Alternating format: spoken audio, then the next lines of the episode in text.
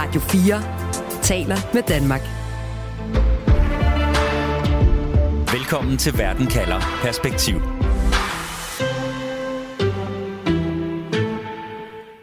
Den polske regering vil være helt sikre på, at personer med tilknytning til Rusland og præsident Putin ikke kommer til at øh, arbejde som politikere eller myndigheder i landet. Det kommer en ny lov til at sørge for. Sådan lyder det i hvert fald fra regeringen selv. Helt anderledes lyder det fra landets opposition, fra EU og fra USA, som er bekymret for, hvad den her nye polske lov faktisk skal bruges til. I virkeligheden er det nemlig en måde for den polske regering at holde fast i magten med antidemokratiske metoder, mener kritikerne. Hvordan det hænger sammen, handler programmet om i dag, hvor jeg spørger, hvem rammer Polen, når de vil stoppe russiske agenter. Jeg hedder Stine Krohmann Dragsted. Velkommen til Verden kalder perspektiv, hvor jeg stiller et spørgsmål, der giver dig perspektiv på verden omkring os, og på 30 minutter giver dig et svar.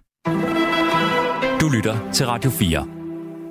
Der er altså blevet blæst til kamp mod russiske agenter i Polen. Ifølge Polens præsident Duda og partiet, der sidder på magten, Lov- og Retfærdighedspartiet, så er den her kamp nødvendig, og for at forstå, hvad den går ud på, og hvad den her nye lov skal bruges til, så har jeg allieret mig med to polenkyndige gæster.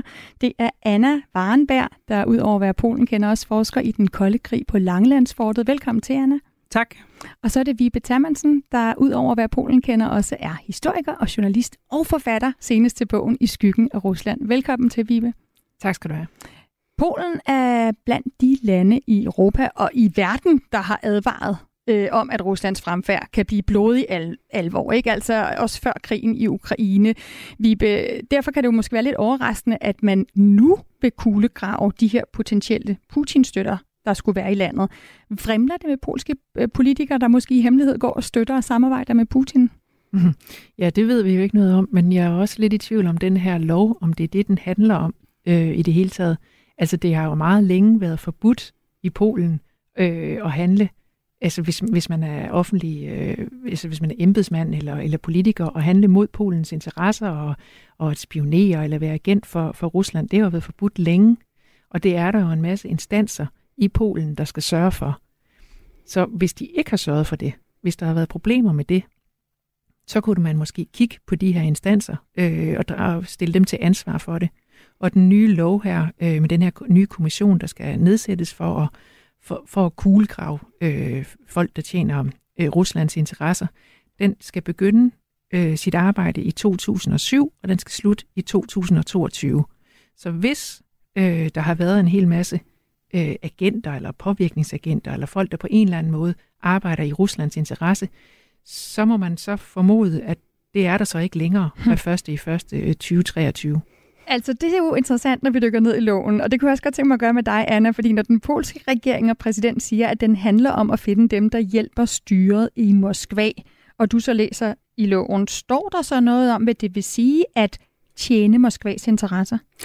Nej, altså det er jo det, den her lov, den er meget mærkelig, fordi den, den definerer ikke ret meget, så det er sådan nærmest bare en blankocheck, man skriver ud til nogle personer, som, eller til sig selv faktisk, som, som den polske regering, de kan nedsætte de kan udpege de personer, de vil til kommissionen. Der står ikke noget om, at de skal være dommer eller jurister eller noget som helst.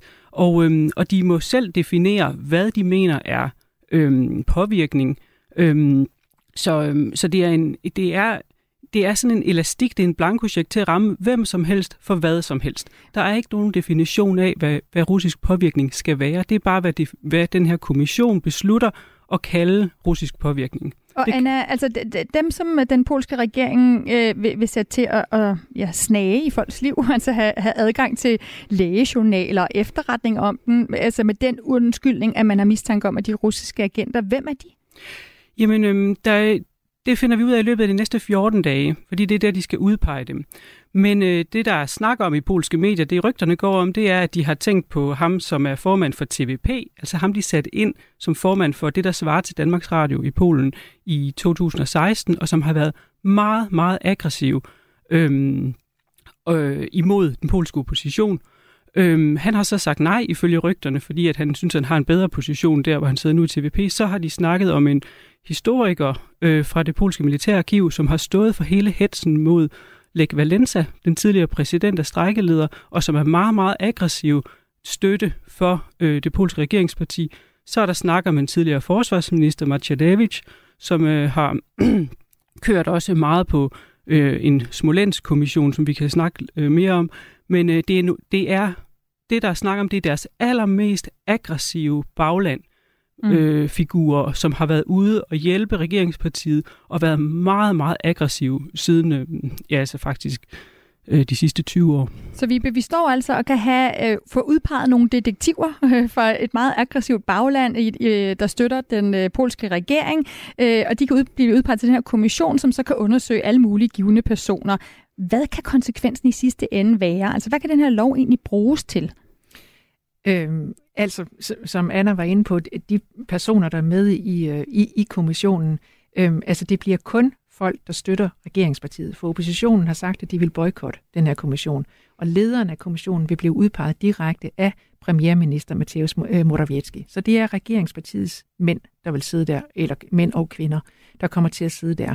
Og det de kan, altså, øh, altså de skal handle både som anklagere, og som undersøgere, og som dommere på én gang. Øh, og det er jo flot, hvis man, hvis man ikke er uddannet øh, til det på nogen måde. Men, men det kommer de til øh, at, at skulle handle på al den her... Øh, altså, alle, alle tre jobs skal de have på én gang.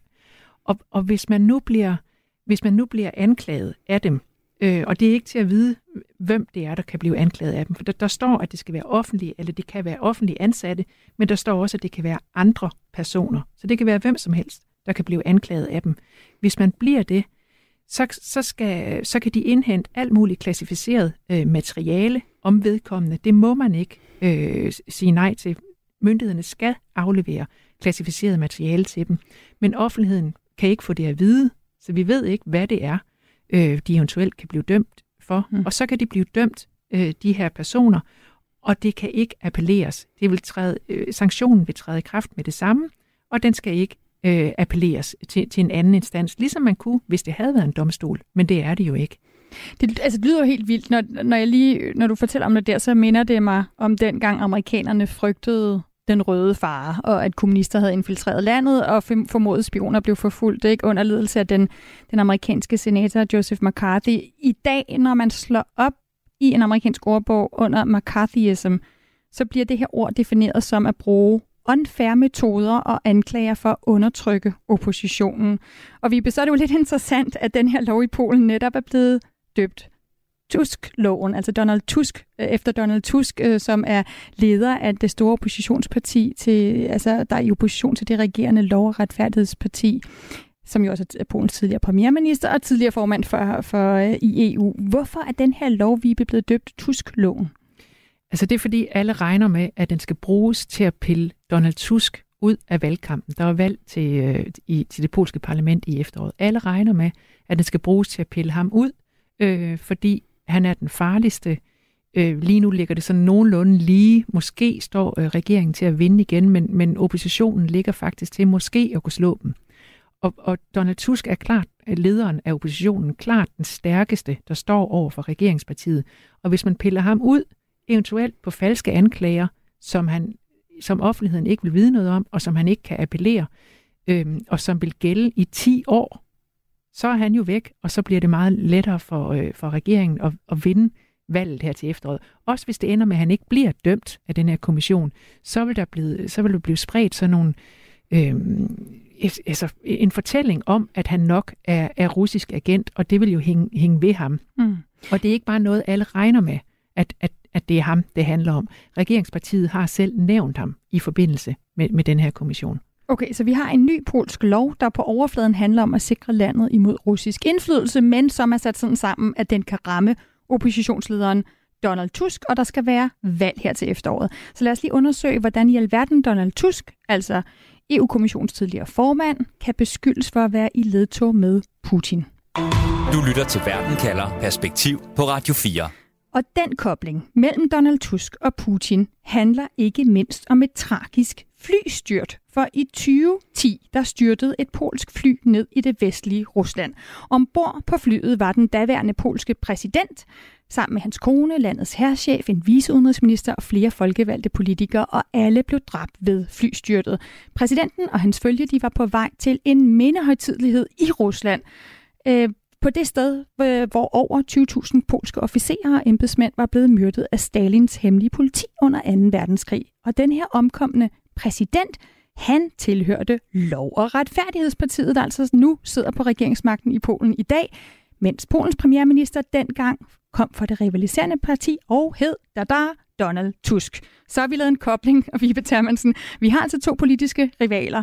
Den ene bliver dræbt i et flystyrt i Rusland. Den anden, Donald Tusk, hvad har han med det her flystyrt at gøre? Ja, altså ifølge undersøgelser, der er blevet lavet af det her flystyrt, som, og det vil jeg godt lige slå fast, det var øh, ualmindeligt tragisk. Altså det var, det var herrens ledelse og kirkens ledelse, det var alle, der var noget i Polen. Det var meget, meget tragisk for hele Polen. Men, men der er blevet lavet undersøgelser af det, og, og det, øh, det man kommer frem til, det er, at det var menneskelige fejl og dårlig vejr, der var skyld i det her flystyrt.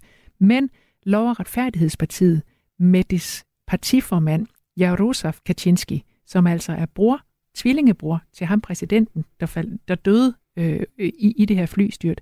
Han har, han har øh, står stået bag sådan en øh, konspirationsteori om, at det nok var Putin, der stod bag det her flystyrt, og at Donald Tusk nok måske på en eller anden måde øh, hjælp Putin med det. Og, og, og sådan bliver sådan bliver Donald Tusk hævet ind i det, og det er måske også derfor, at den her lov, den her kommission, skal gælde fra 2007 til 2022. Ah. Nemlig fra dengang Donald Tusk overtog regeringsmagten i 2007. Så det her kommer med ind under det. Og på den måde får man gjort Donald Tusk, eller man får i hvert fald hæftet, der er nok et eller andet om det, man får hæftet et meget, meget grimt ord på ham, nemlig øh, altså, at man på en eller anden måde altså er russisk agent, eller, eller øh, vil, vil Putin noget godt.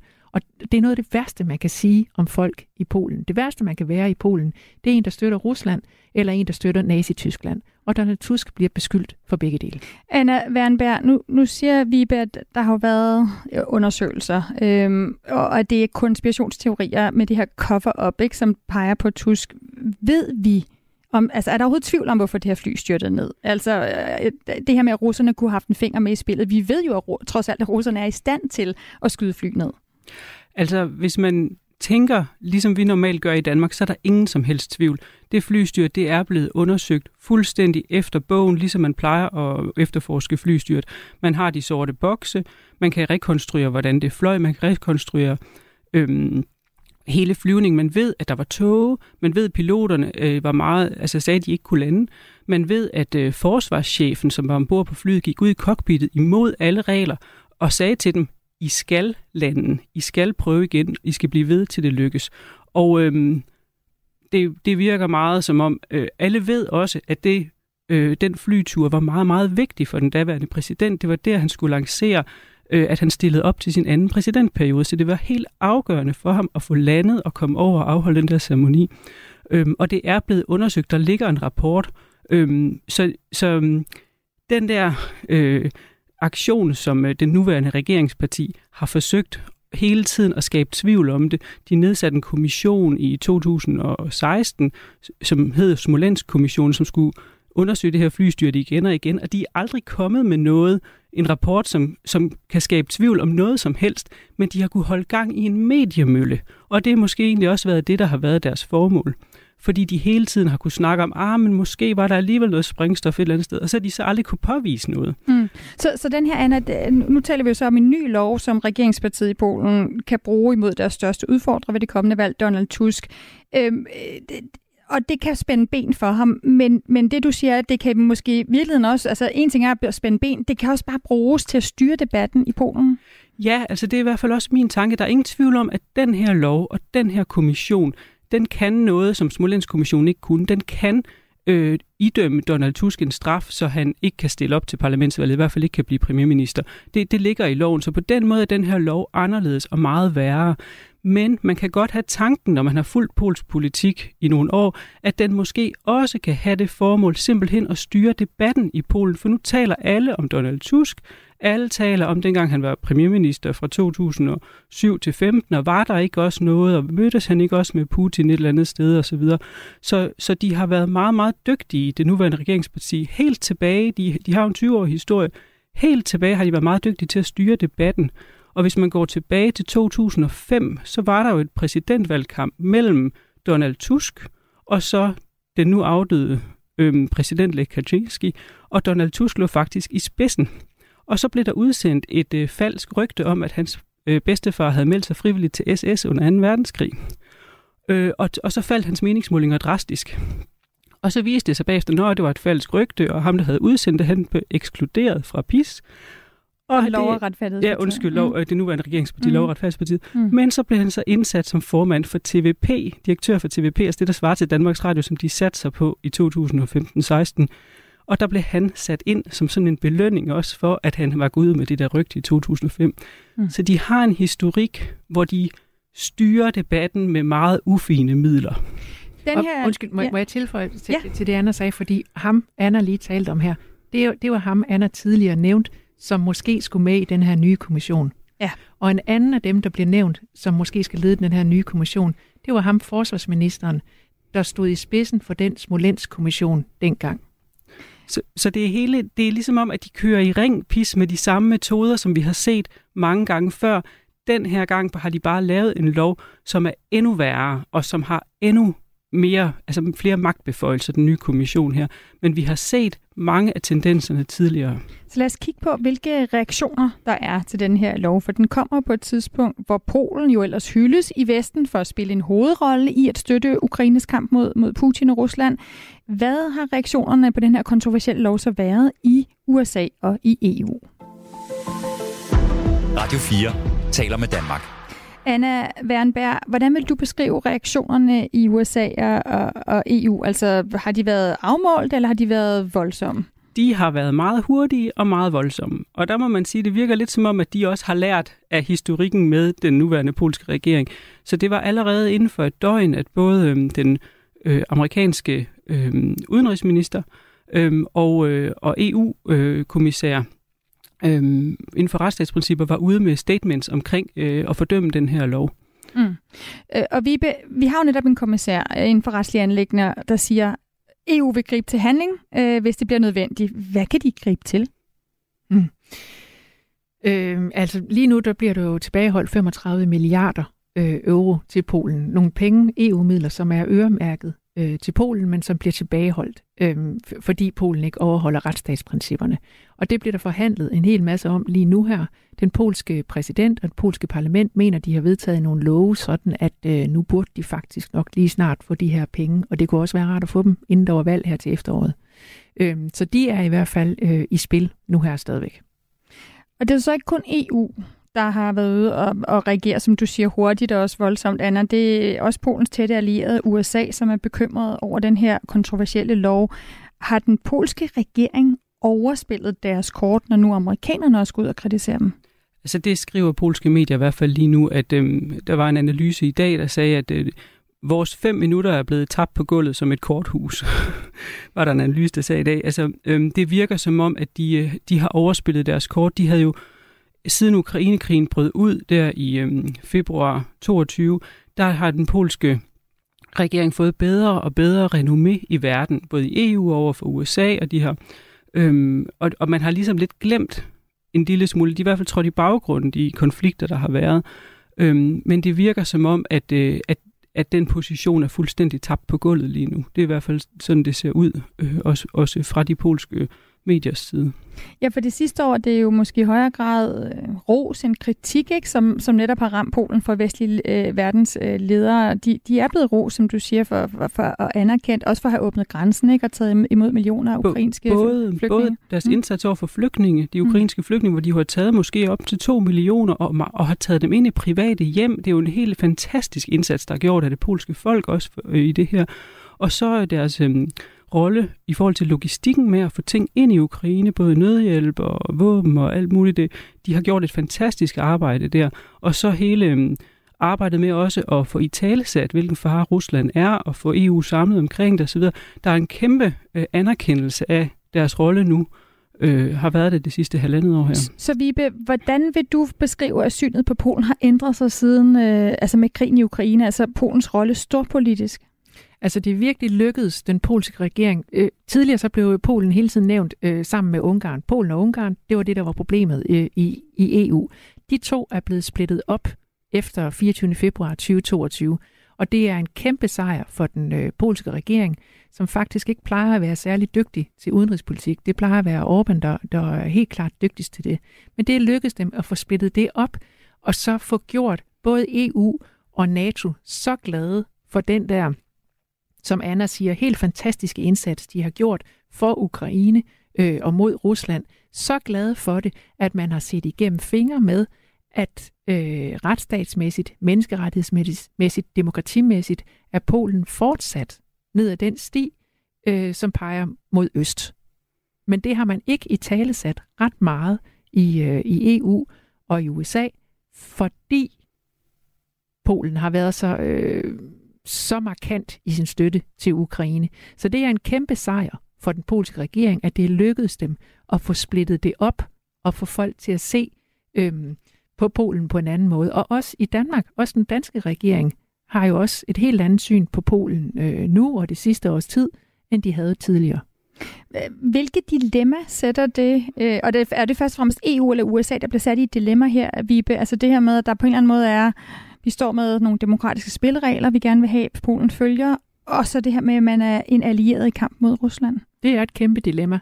Og, og spørgsmålet er, altså hvis, hvis EU øh, dropper det, hvis EU holder op med at stå fast på principperne om retsstats, øh, altså retsstatsprincipperne og, og demokrati og menneskerettigheder, hvis man slækker på de krav for at holde Polen glad øh, og, og, og holde Polen blive ved med at, at kæmpe for Ukraine og, og mod Rusland og for at holde enigheden i EU om, om det her. Hvis man slækker på det, så er det jo selve EU's værdier, man opgiver.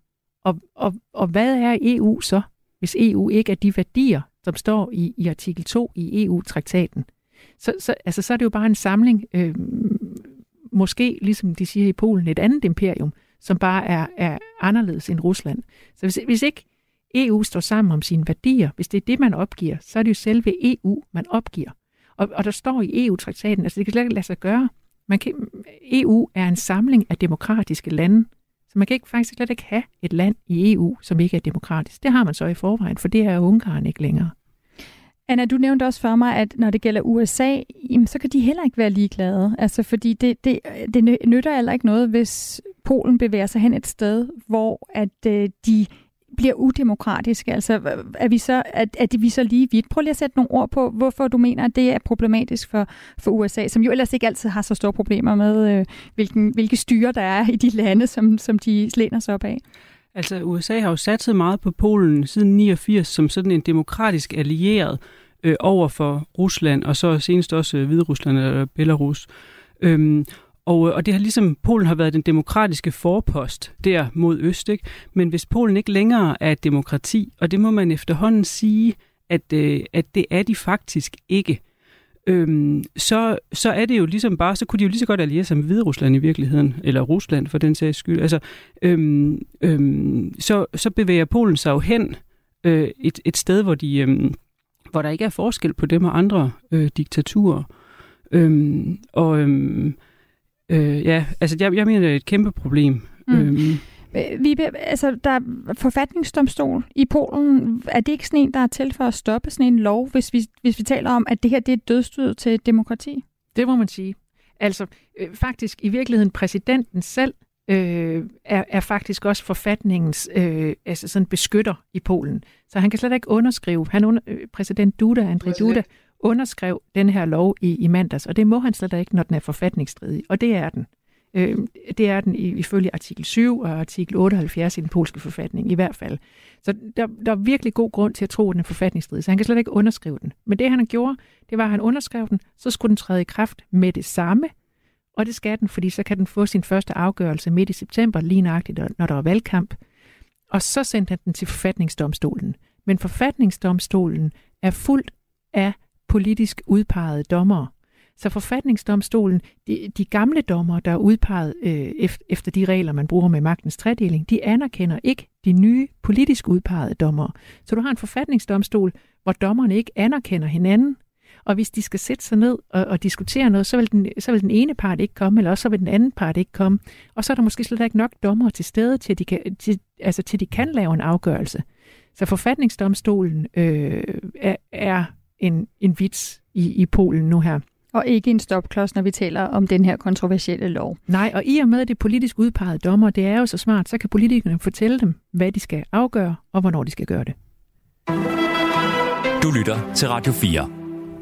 Vi har altså en ny lov i Polen, som regeringen siger handler om, at øh, der er frygt for øh, indflydelse fra Rusland, at for at Moskva har interesser, som skal stoppes, men som kritikere siger, er et rent instrument til at afmontere øh, oppositionen, øh, og der er valg her i efteråret i Polen, og at den blandt andet er rettet mod Donald Tusk, som er oppositionsleder, og som har en reel chance for at øh, udfordre regeringen og regeringspartiet. Og så kunne jeg godt tænke mig at spørge jer om en konklusion på det spørgsmål, jeg stiller i dag. Vibe, hvem rammer Polen, når de vil stoppe russiske agenter? Jamen, de vil slet ikke stoppe russiske agenter. Det er slet ikke det, den her lov handler om. Det her, det handler om, øh, efter al sandsynlighed, handler det om at stoppe oppositionen. Det handler om, at lov og retfærdighed skal vinde valget igen her til efteråret. Og det lykkedes øh, for Viktor Orbán i Ungarn sidste år, da der var øh, parlamentsvalg i april, hvor hele oppositionen havde sluttet sig sammen og faktisk havde reel chance for at slå ham. Det lykkedes ham at sørge for, at det ikke skete, og det har den polske regering set, og det er det, de også vil nu. Hvis de var ude efter øh, russiske agenter, var der helt andre måder at gøre det på. Så Anna, hvem rammer Polen, når de siger, de vil stoppe russiske agenter? Jamen, de rammer jo deres eget demokrati. Altså 49 procent af polakkerne har lige sagt en meningsmål. Den her øh, lov om den her kommission, den er en reel trussel mod demokratiet. De, de er faktisk ved at afmontere deres demokrati med den lov. Er det slut med demokratiske valg i, i Polen med den lov, som du ser det? Jeg håber stadigvæk, fordi der er jo stadigvæk ikke statslige uafhængige medier i Polen, som har skrevet u- uendelig spalteplads om den her lov de sidste par dage. Jeg håber stadig, at det lykkes øh, for oppositionen at vinde valget, øh, og at den her lov bliver trukket tilbage. Det, det er stadig muligt. De kan stadig nå at, at fortælle forfatningsdomstolen, at de skal kende den strid, forfatningsstridige, eller de kan nå at trække den tilbage. Øhm, jeg, jeg, jeg bliver ved med at håbe, men, men status lige nu, hvor loven er vedtaget, det, det er sådan set, at de ikke lever op til de demokratiske standarder. Og helt kort, Vibe Tammansen, er du enig? Fuldstændig. Mm. Det var øh, den ret nedslående, øh, men dog med, med en snært af håb øh, vurdering fra øh, Anna Wernberg, altså Polenkender og forsker i den kolde krig på Langelandsfortet, og også fra Vibe Tammensen, som er historiker, journalist og forfatter med stort kendskab til Polen. Og husk, at uanset hvad der sker, så kan du få svar på et afgørende spørgsmål. Det er lige her i Verden kalder med mig, Stine Krohmann Dragsted. Det er mandag og torsdag, at du kan lytte til Verden kalder live. Først en halv time om en aktuel sag i Verden kalder, og så er der 30 minutters Verden kalder perspektiv, hvor jeg altså sætter et spørgsmål om verden ind i en større sammenhæng og giver dig svar. Og du kan selvfølgelig lytte til Verden kalder som podcast lige når du vil, ved at finde Verden kalder podcasten der, hvor du lytter til dine podcasts. Du har lyttet til en podcast fra Radio 4. Flere episoder i vores app, eller der, hvor du lytter til podcast. Radio 4 taler med Danmark.